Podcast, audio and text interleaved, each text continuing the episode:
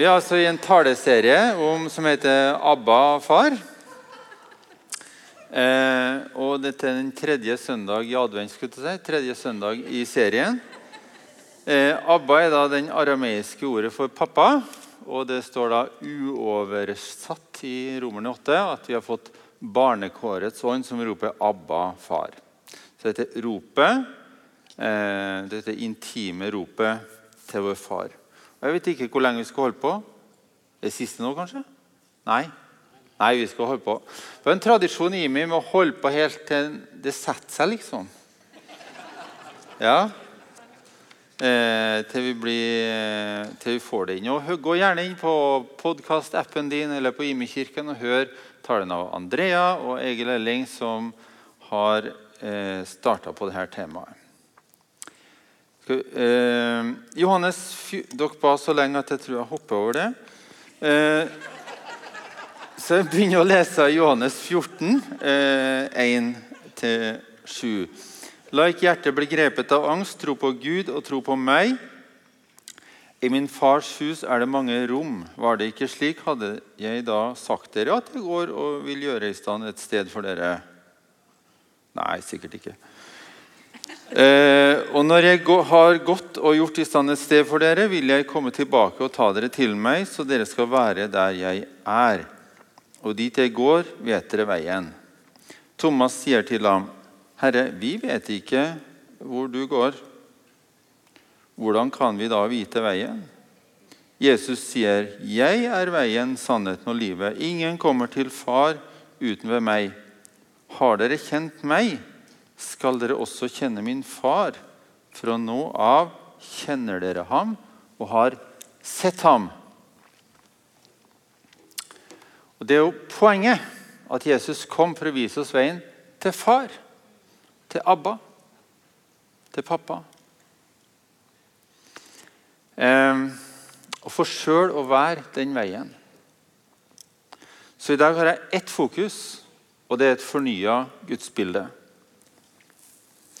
En av Alan Hirst sine bøker, jeg tror det er Read Jesus, så sier han eh, God created man in his image, and man uh, returned him the favor. Altså, Gud skapte mennesket i sitt bilde, og vi har gjengjeldt han den tjenesten. Etter syndefallet så har vi alle i større og mindre grad skapt en Gud i vårt eget bilde. Og Vi leser tekstene om Gud som far gjennom våre egne erfaringer og gjennom vårt eget språk. Eh, og Noe som står virkelig sterkt, er jo da opplevelsen av egne foreldre. Det har både André og Egil Elling vært innom. Eh, og jeg tenker jo da med gru på hvilken troskrise jeg sjøl har ført mine egne barn opp i. Eh, det vi i hvert fall vet, det er at mor og far er viktige personer i livet vårt. Lenge etter de er døde. Et, øh, sånn TV-serier som 'Ukjent arving' og 'Tore på sporet' og liksom alt dette viser jo det. Altså dette Hvem er jeg? Og I søken etter identitet, tilhørighet, så leter vi i røttene for å finne ut hvem var disse Eh, hva kan jeg ta med videre som en god arv, og hva vil jeg ta oppgjør med? Og Så kan vi av og til bli fristet til å bruke sånne familiesvakheter som en unnskyldning for dårlig oppførsel. Ikke gjør det. Det er barnslig. Ikke la andres valg definere deg sjøl om du er aldri så tjukt blod i årene dine. Eh, men La oss gå til Skriften. skal vi se. Efeserne 3. Det er jo fantastisk, Efeserbrevet. Skal vi se Unnskyld. Uh, 3.14. Derfor bøyer jeg mine knær for Far, Han som har gitt navn til alt som kalles Far i himmel og på jord. Må Han som er så rik på herlighet, gi deres indre menneske kraft og styrke ved sin ånd. Må Kristus ved troen bo i deres hjerter, og dere stå rotfestet og grunnfestet i kjærlighet. Far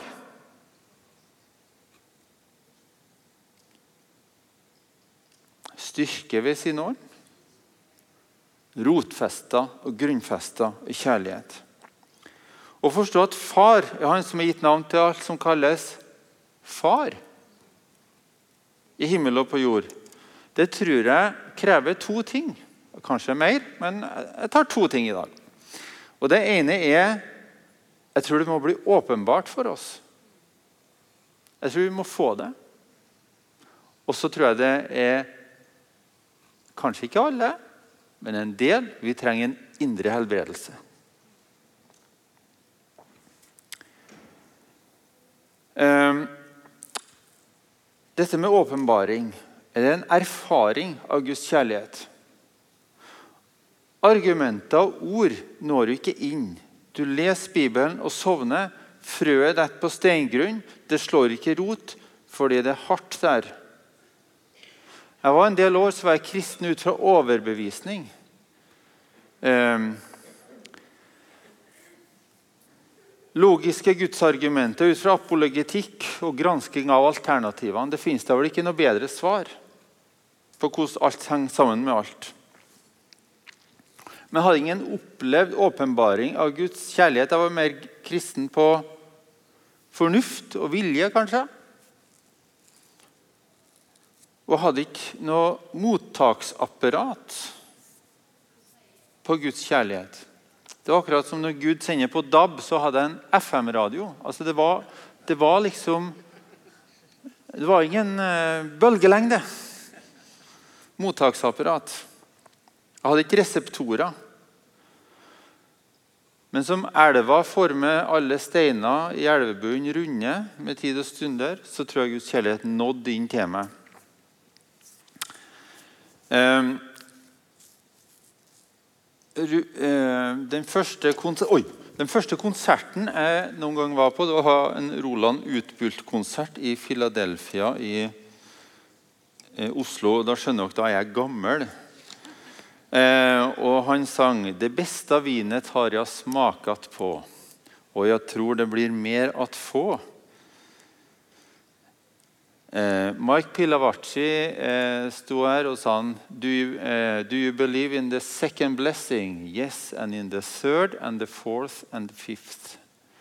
Altså Når du tror du har fått alt fra Gud, når du tror du har opplevd hans kjærlighet Ja, nå har jeg kommet gjennom. Så er det helt fantastisk. Du tror du har alle svarene i himmel og på jord, og du flyr. Og så tar deg Gud en ny runde, og så oppdager du nye dypheter. Altså, Smak på ordet 'evig', f.eks. Altså evig. det er fantastisk. Eh, I en gammel sang står det Guds kjærlighet er langt, langt større enn penn og tunge tolke kan. Den når høyt over himmelens stjerner og ned til dødens mørke land. Det er ikke sånn at når du legger 'slain in the spirit' foran her, i en firetunnel eller hva som helst, så har du ja, Du har tatt imot alt, men du har jo ikke erfart alt. Du har ikke opplevd alt som Gud vil gi deg. Og For Guds barn så er alltid det beste igjen.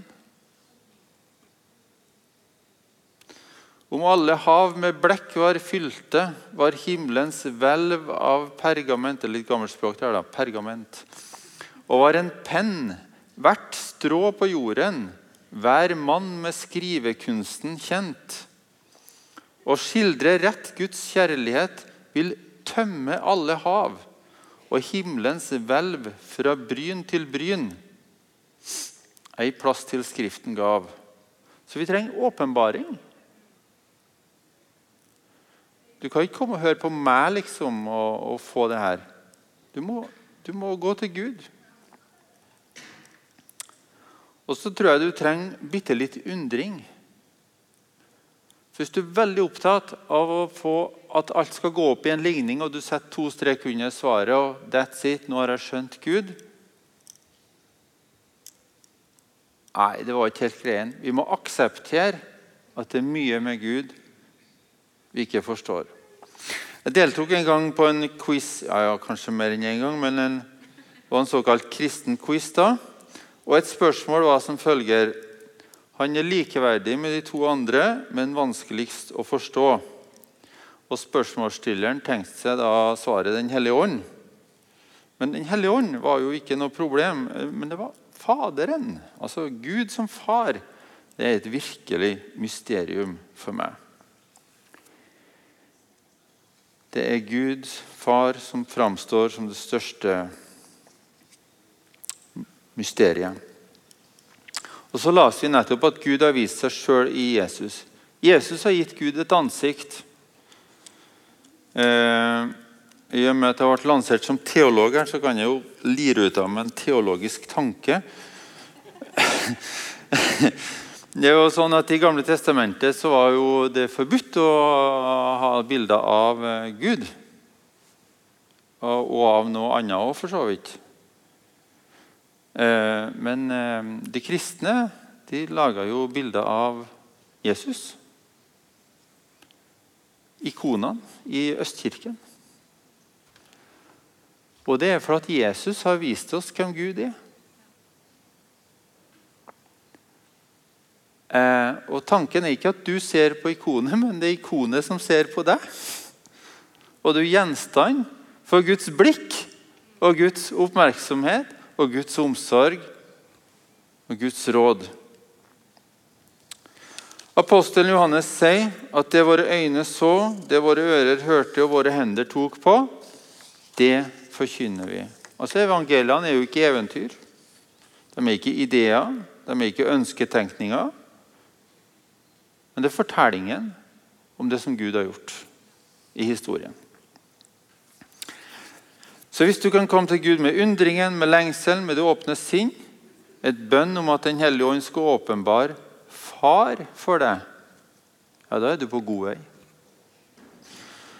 Og Det andre som jeg nevnte, det tror jeg handler om en indre helbredelse. En helbredelse av sjelen.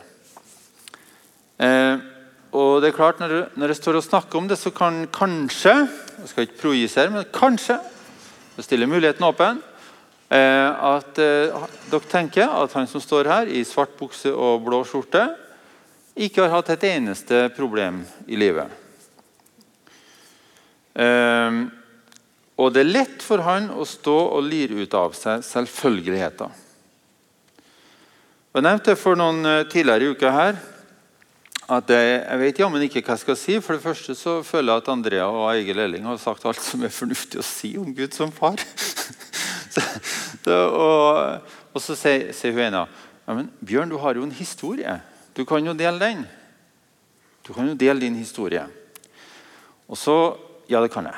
Men der har vi et kamera med det røde lyset på. Og Der har vi med et grønt lys på. Og Der har vi et som er avskrudd. Og så er det en podkast for min historie er jo også noen andres historie. Ikke sant? Um, og de har en annen versjon av den historien vi har sammen. Og det er ikke ment for offentligheten. Så jeg tenker at, at kristne talerstoler skal ikke være en sånn form for uh, ukeblad Eh, skråstrek eh, sosialpornografi, der vi gasser oss i hverandres tragedier. Det er på en måte ikke tenkt at det skal være.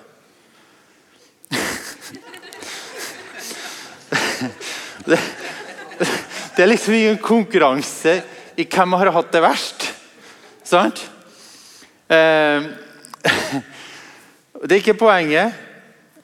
Poenget er at inntil jeg hadde en dyp dyp indre helbredelse, så var det akkurat som det lå et skall over det med, med Guds relasjon. Um,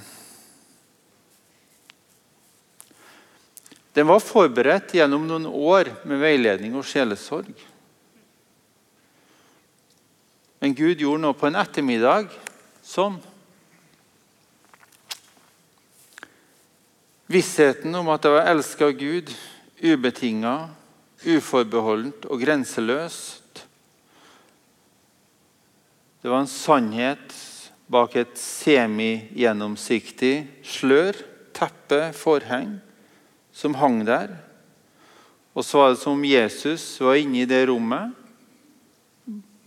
inne i det forhenget, og sa han, her er tilgivelsens rom. Og så Hvis du skal gjennom det sløret her, og hit må du komme, så må du legge fra deg noe på utsida. For her er det tilgivelse.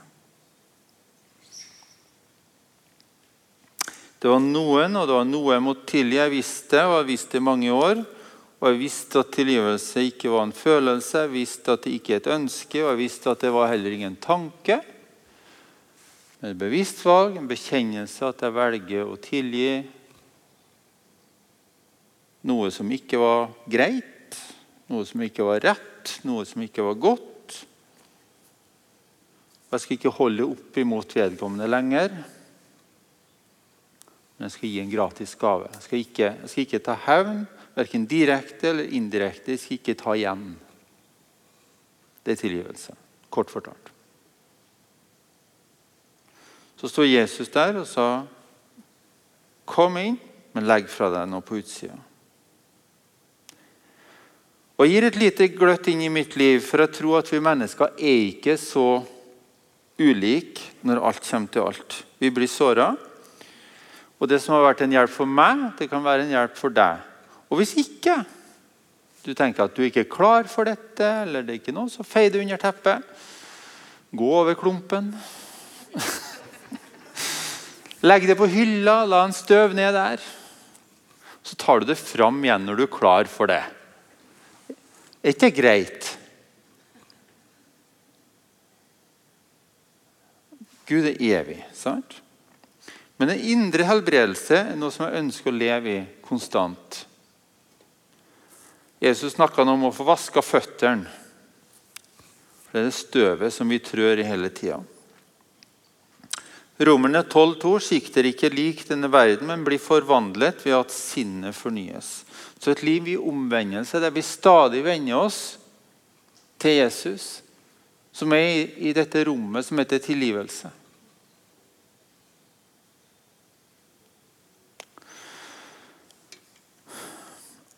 Og så tror jeg Et annet problem som vi har med bibeltekstene, det er at vi er moderne mennesker.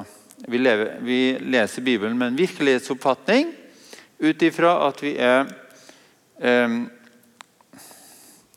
jeg skal se på en litt flåsete måte, men vi er alle døpt i den darwinistiske åndsdåpen.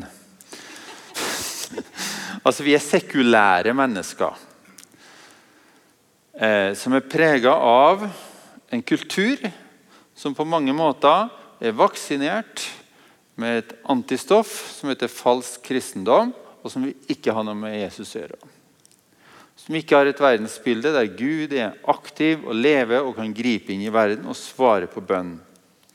Vi kaller det for sekulært, altså noe som hører denne tida til. Tikk-takk, tikk-takk, tida går. I motsetning til evigheten. Så vi er alle vi har litt jord på føttene. Vi er litt jordvendt. Ikke sant?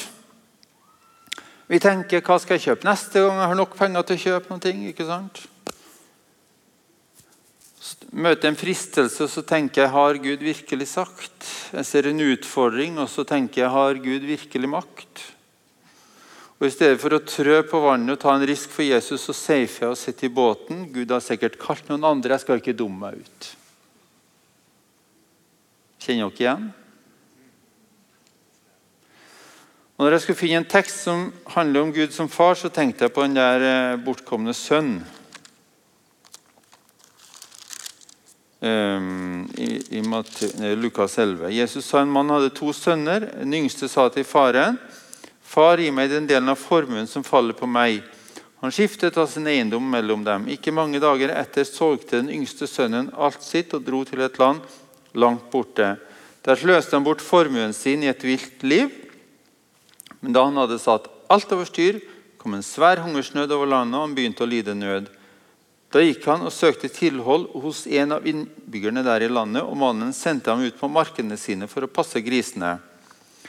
Han ønsket bare å få mette seg med de belgfruktene som kristne og, nei, kristne, som grisene åt. Unnskyld. Som grisene åt, og ingen ga ham noe. Jeg tror det sto 'skolmer' i den gamle oversettelsen. Ja. Ikke belgfrukter. Da, da kom han til seg selv og sa hvor mange leiekarer hjemme hos min far har ikke mat og overflod, mens jeg går her og sulter i hjel? Jeg vil bryte opp og gå til min far og si, Far, jeg har syndet mot himmelen og mot deg. Jeg fortjener ikke lenger å være sønnen din, men la meg få være som en av leiekarene dine. Bare si at det med sønn og datter altså, eh, Nå sa ikke Leif Hetland det i dag, når han var her, men han har sagt noe smart. gang. Han sa hvis alle jenter kan være sønn, for alle menn kan være brud. Vi er Kristi brud. Så når det står sønn, så er det damene. Når det står brud, så er det mennene. Er ikke fantastisk? Jeg, bod, jeg, vet at jeg har bodd eh, litt for lenge i Stavanger og sier 'fantastisk'.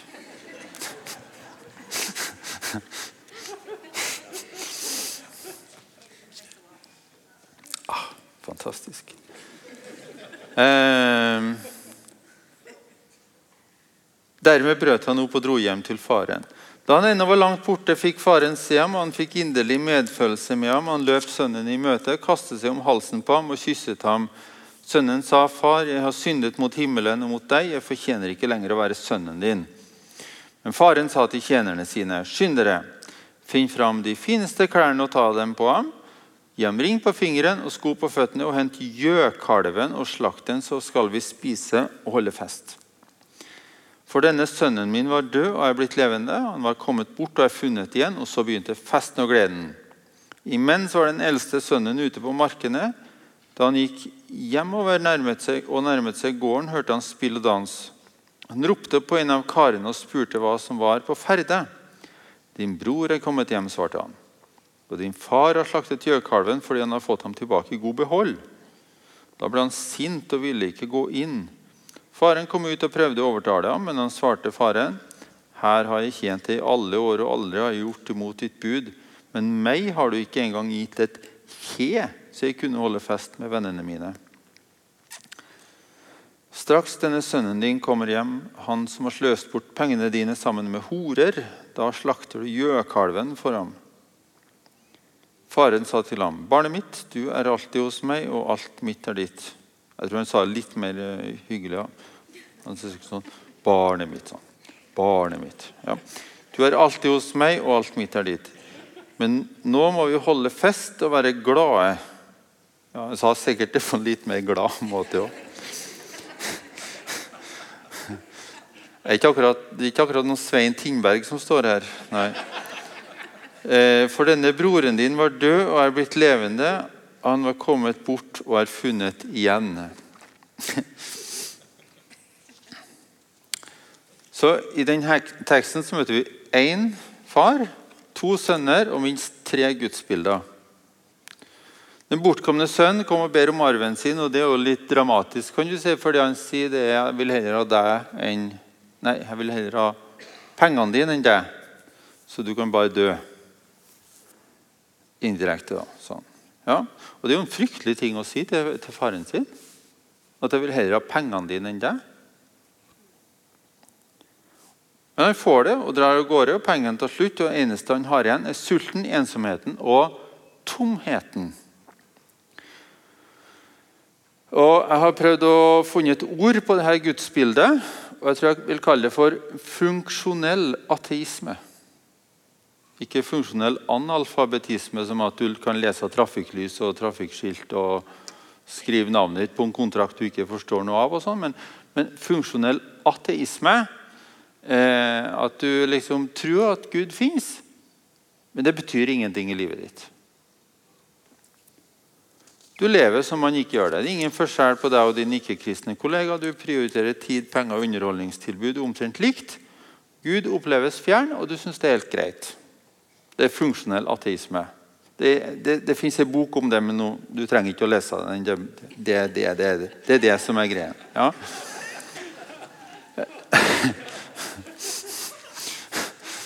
Du kan gjerne kjøpe den, ja. Eh, tilbake til lignelsen. Når pengene tar slutt, så forsvinner vennene. Går rundt og er sulten. Og sulten det er jo ikke bare en sånn fysisk sult. Det er jo en åndelig sult. Eh, og Dette gikk opp for meg en gang da jeg hadde jeg gikk på noe som het for Høgskolen i Stavanger en gang i tida. På 90-tallet. Og tok nordisk. Og da skulle vi lese romanen 'Sult' av Knut Hamsun. Og Jeg leste romanen 'Sult' og jeg syntes den var så fæl. Det hendte jeg da jeg gikk i Kristianias gater. ikke sant? Det ble en sånn fæl roman. Jeg mista matlysten i hvert fall to dager. Og så Så jeg kom på eksamen, på muntlig eksamen, så sier han eh, førsteamanuensisen Roger Lockertsen fra Tromsø Du som skal bli misjonær, sier han til meg da. Har du noen gang tenkt på dette med åndelig sult? Så bare, åndelig sult? Nei, det har jeg ikke tenkt på. Jeg har studert teologi. Åndelig sult. Ja. Det er jo noe der. ikke sant? Jeg tenkte på mange ganger etterpå.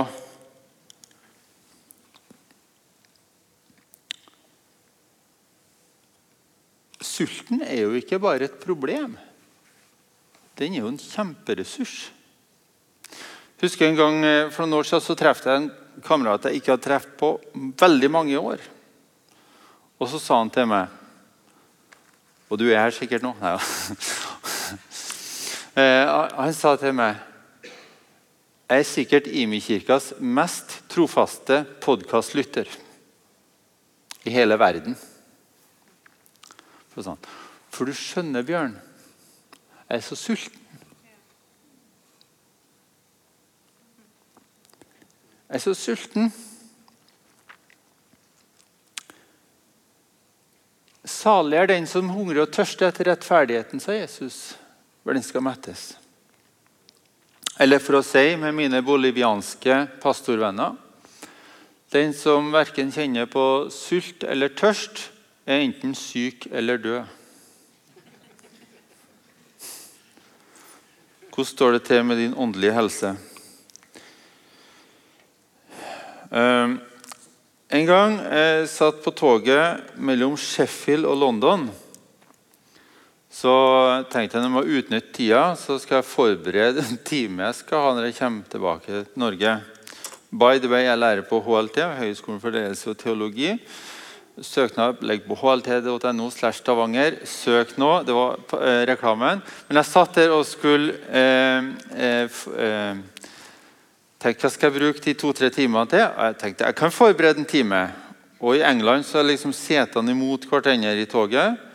Så jeg tar opp en liten bok fra sekken min. Den har den kryptiske tittelen 'Missiological Implications of Epistemological Shifts'. Ikke, eh, ikke tenk mer på det, men jeg sitter sånn og leser. Og så, og så ser han liksom, liksom gjennom Han sitter imot meg, han lurer opp telefonen, og så, Google, så trykker han på et eller annet. Og, så, og så, tar jeg ned boka og så ser jeg på den og sier Googler du tittelen på boka mi? Ja, det gjorde han. Syns det var veldig spesielt. Og så, og så uh, forklarer jeg liksom kort hva boka er, og hva det handler om. Og så tenkte jeg ja, jeg er nå utlandet, så jeg kan jo like så godt være litt frimodig. Og så sier jeg er du en kristen, sier jeg. Og så sier han ja, var det før? Ja vel. Ja, det var enklest. Det var ikke så mange paradokser å forholde seg til. Og mindre å ta stilling til. Og Vi hadde egentlig en ganske grei prat de to-tre timene ned til London. Og så eh, Jeg spekulerer fortsatt hvis, hvis, det var så enkelt å la være å tenke på det, hvorfor, hvorfor var han så interessert i å snakke om det? ja. Altså, Gud går jo ikke bort selv om vi slutter å forholde oss til ham. Jeg snakker av og til med folk som har en livsstil som eh, ikke er helt eh, det som eh, du tenker på når du tenker på søndagsskole og bedehus. Men far i himmelen er altså et tema som til stadighet kommer tilbake. På samme måte som den sønnen vi snakka om, som heller ville ha pengene enn faren sin. Så når pengene var brukt opp, Faren levde jo fortsatt. Han var jo der. Han var jo på utkikk etter sønnen sin. For det er noe med det å nå bunnen, da, altså bunnen. Eh, når eh, alle andre muligheter er brukt opp eller bort, hvor retter du da blikket? Hvor søker du etter ting å fylle deg med? Det står at han kom til seg sjøl. Han huska på hvor han var fra. Og han tenkte nok at han har brukt opp verdi, verdigheten sin som sønn. Men til og med tjenestefolka hos faren hadde jo mat på bordet og tak over hodet. Så han luska lutrygga tilbake og planla en sånn tale, da, liksom, som han skulle si. Men at han ikke var verdig. Sant? Er ikke verdig. Men han hadde jo glemt at det er ikke sønn som definerer faren. Det er jo motsatt. Det er jo ikke faren som bærer sønn sitt navn. Jeg har jo ikke mitt barns blod i mine årer. Det er jo motsatt. Nå heter det visst fødeforelder. Jeg vet ikke. Ikke det heter? Det. Unnskyld, nei, jeg skal ikke gå ned den, skal ikke gå ned den veien. Jeg vil bare parentes bemerke og si at når vi skulle søke om pass til min sønn på 15 år, så måtte begge foreldre signere på et skjema. Og Da sto ikke mor og far lenger. Det står forelder 1 og forelder 2. Og Av en eller annen grunn så ble det bemerka at jeg hadde signert på forelder 1. Men det er ikke jeg. Jeg er forelder to. Men det var ikke med noen forklaring på akkurat det. Nå fikk jeg sagt det. Takk. Altså, jeg må jo ha behov for indre helbredelse av mindre, tenker jeg. Men det er altså far som definerer sønn. Jeg bærer min fars navn, han bærer sin fars navn osv. Og, og denne faren i historien han hadde jo ikke mista sin verdighet. Og han hadde jo nok å gi til en som hadde kasta den bort.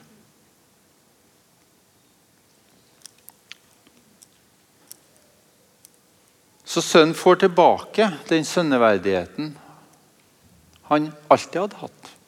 Ring på fingeren, sko på føttene, nye klær osv. Faren var verken fattig, hevnlysten eller død. Og Det var en lengsel i farshuset etter at sønnen skulle komme hjem. En lengsel som bare kan begrunnes i kjærlighet. Og Det står ikke så mye om sønnens reaksjon på det her, men jeg kan kalle dette gudsbildet for en fortrolig kjærlighetsrelasjon. Og du vet at det er nåde. Du vet det eneste du har gjort, er å komme hjem. Og alt du har, har du fordi at du har fått det. Du har ikke fortjent det. Det er ingen grunn til å være stolt, og du er takknemlig. Og Det tredje gudsbildet, eller farsbildet, det er det den hjemmeværende sønnen har. Han er en trofast tjener som aldri har gjort noe galt, men ser likevel på far som en slags petimeter. Som en matcher som skal holde bokholderi med sin sønn, med ytelser og gjenytelser. Og der tanken er at vi må gjøre oss fortjent til nåden. Så Poenget med nåde er at den er ufortjent. Alt fra Gud gis i nåde og mottas i tro. Og Det er ikke sånn at vi må oppføre oss fint over så og så lang tid for å få et bønnesvar. Det er jo ikke det. Vi er alle Guds barn, vi er ikke Guds voksne. Og det er klart at Modenhet i troa vokser med tida. Det, kalles helliggjørelse. Men det er jo ingen forutsetning for å ta imot fra Gud. Det er en frukt. Det er en vesensforskjell på det. Vi starta denne preken med Jesus som veien til far, og at vi har fått barnekårets ånd som roper 'Abba, far'. Poenget med at Jesus kom og døde for våre synder, var å gjenopprette forholdet til far. Og vi er ikke bare barn, vi er arvinger, vi er Kristi medarvinger, vi er Guds arvinger. Vi var døde, nå er vi levende i troa på Jesus. Smak på to bibelvers. Johannes 1,12. Han kom til sine egne, og hans egne tok ikke imot ham, men alle de som tok imot ham, gav han rett til å bli Guds barn. Og I Efeserne 1.: I kjærlighet og etter sin gode vilje avgjorde han på forhånd at vi skulle få rett til å være hans barn og Jesus Kristus. Smak på dette ordet rett. Rett. En rettighet til å være Guds barn. Til slutt Har vi tid? Ja? Det bestemte jeg fort. Jeg kunne ha fått nedtelling, men jeg sa jeg ville heller ha en kalender. sa jeg. Eh, til slutt så vil jeg si noen ord om det med bønnesvar og mangel på bønnesvar. Jeg leste en avisoverskrift tidligere i vinter, og en bokanmeldelse. og Da var det en som tidligere har vært en kristen leder, og sa han han syntes ikke at Gud hadde innfridd.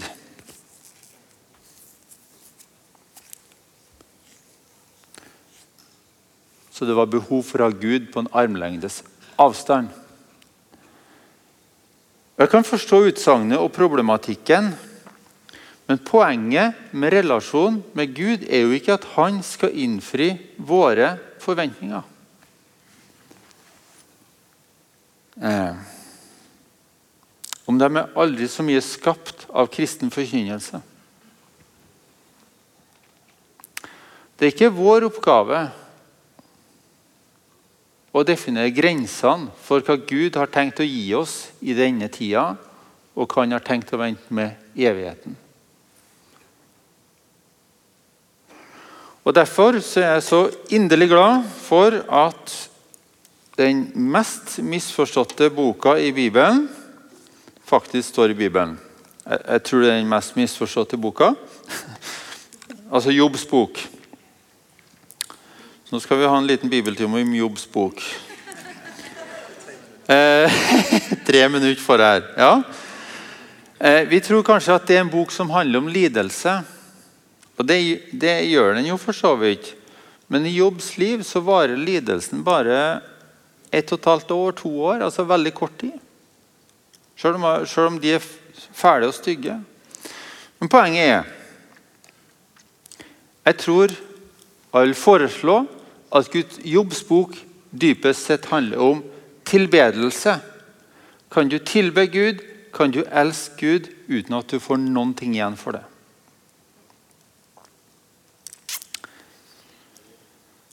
Um. Jobb er en rettskaffen, vellykket, velstående mann. Så kommer Satan og sier til Gud at Jobb han tilbe deg bare fordi du har velsigna han med mange gaver. Gud sier nei.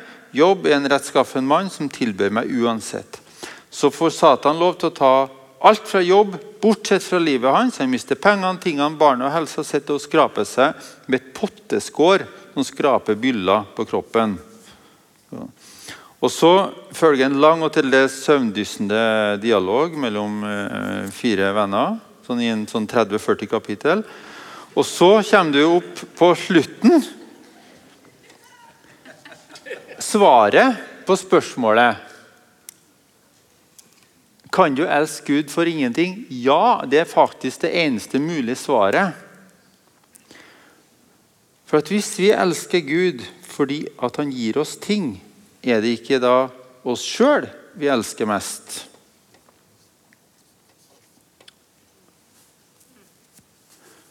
Hvis vi elsker Gud som far fordi han har en arv eller en ting eller gaver til oss, så er det oss sjøl vi elsker først. Men så sa Jesus søk først Guds rike og hans rettferdighet. Kan vi elske Gud for ingenting? Jeg tror svaret er ja, komma, men Jesus.